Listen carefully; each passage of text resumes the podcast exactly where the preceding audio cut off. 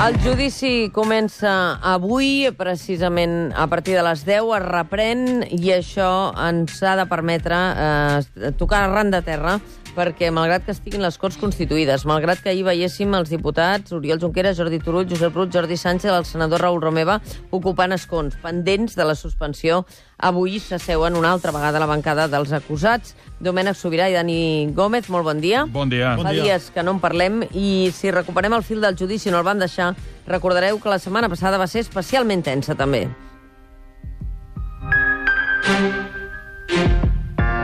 Señora Garcés, ¿habla usted de miedo? Sí. Señor Salella, no, es que no ha entendido que las percepciones que tenga la testigo sobre qué sintió o qué dejó de sentir no tienen relevancia jurídica. Si la sala no permite la pregunta, no voy a formular más preguntas. Correcto, Gracias. mucho mejor.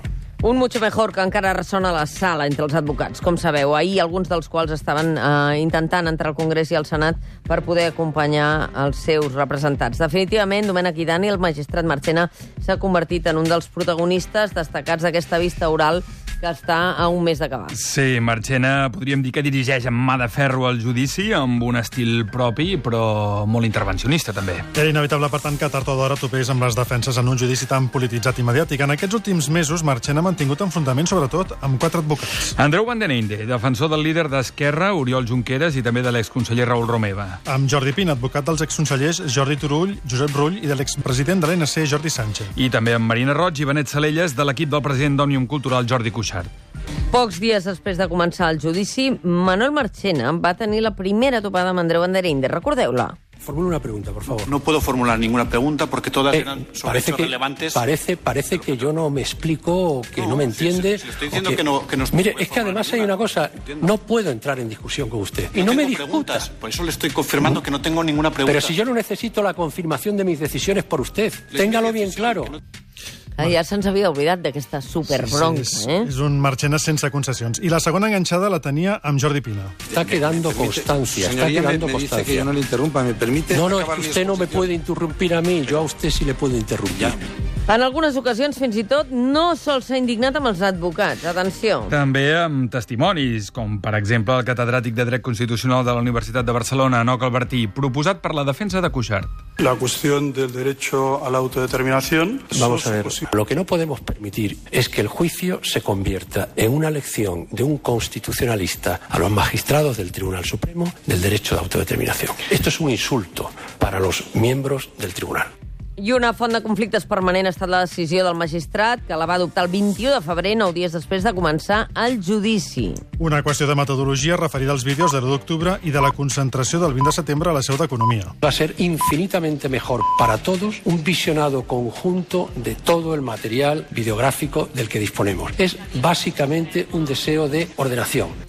D'aquesta manera, amb aquest desig d'ordenació, els vídeos es deixaven per més endavant, per l'afegit documental, i això impedia a les defenses contraposar les declaracions dels testimonis amb les imatges de les càrregues policials. Conflicte servit perquè sovint allò que explicaven els guàrdies civils i els policies espanyols no es corresponia amb els vídeos que sí que veien al mateix moment els advocats en els seus portàtils mentre interrogaven els agents. Impotència que provocava reaccions com aquesta de Jordi Pina, durament replicada per Marchena. ¿Usted sabe si se puso una persona con las manos delante para dialogar y la fuerza actuante lo arremetió, cayó esta persona al suelo y continuaron la marcha sin hacerle caso a esta persona? Mire, voy a ser más preciso, que lo estoy viendo.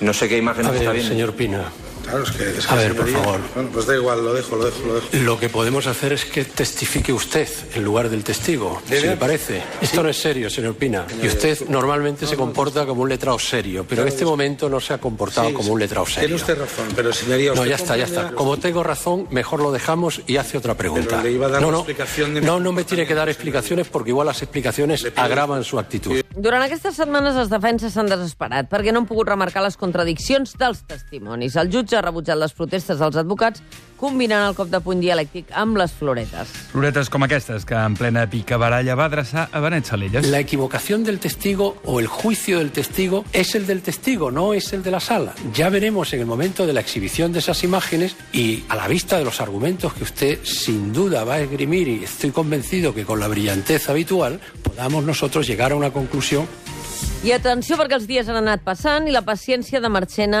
ha anat disminuint, ha anat minvant i atenció perquè això pot impactar sobre eh, les sessions que viurem en els propers dies, perquè depèn de com articuli la prova documental veuràs tu les bronques.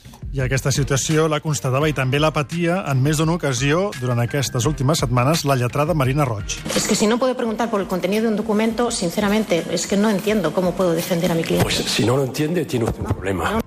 En aquella mateixa sessió, Marchena, Manuel Marchena, va arribar a qüestionar fins i tot l'estratègia de l'advocada. Respecto del Pacto Nacional pel Referéndum, ¿cuál fue el papel del sindicato? Bueno, participamos. Vamos a ver, doña Marina. ¿Usted cree que tiene trascendencia en el tratamiento jurídico de los hechos el papel relevante que haya tenido comisiones obreras en el tratamiento de estos hechos? No tiene ninguna trascendencia. Yerra usted en la estrategia defensiva. Y ya no sé cómo decírselo más claro.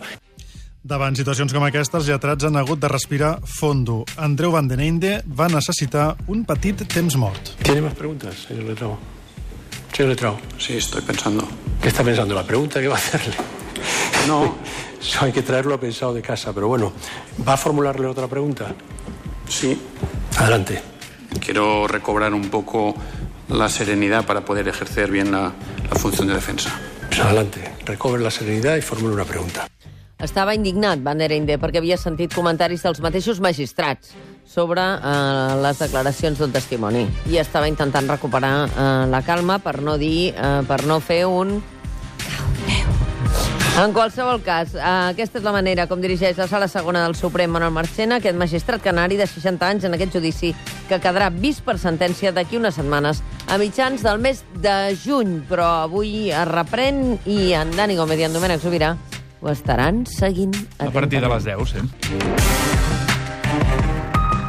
El judici del procés al matí de Catalunya Ràdio amb Mònica Terribas.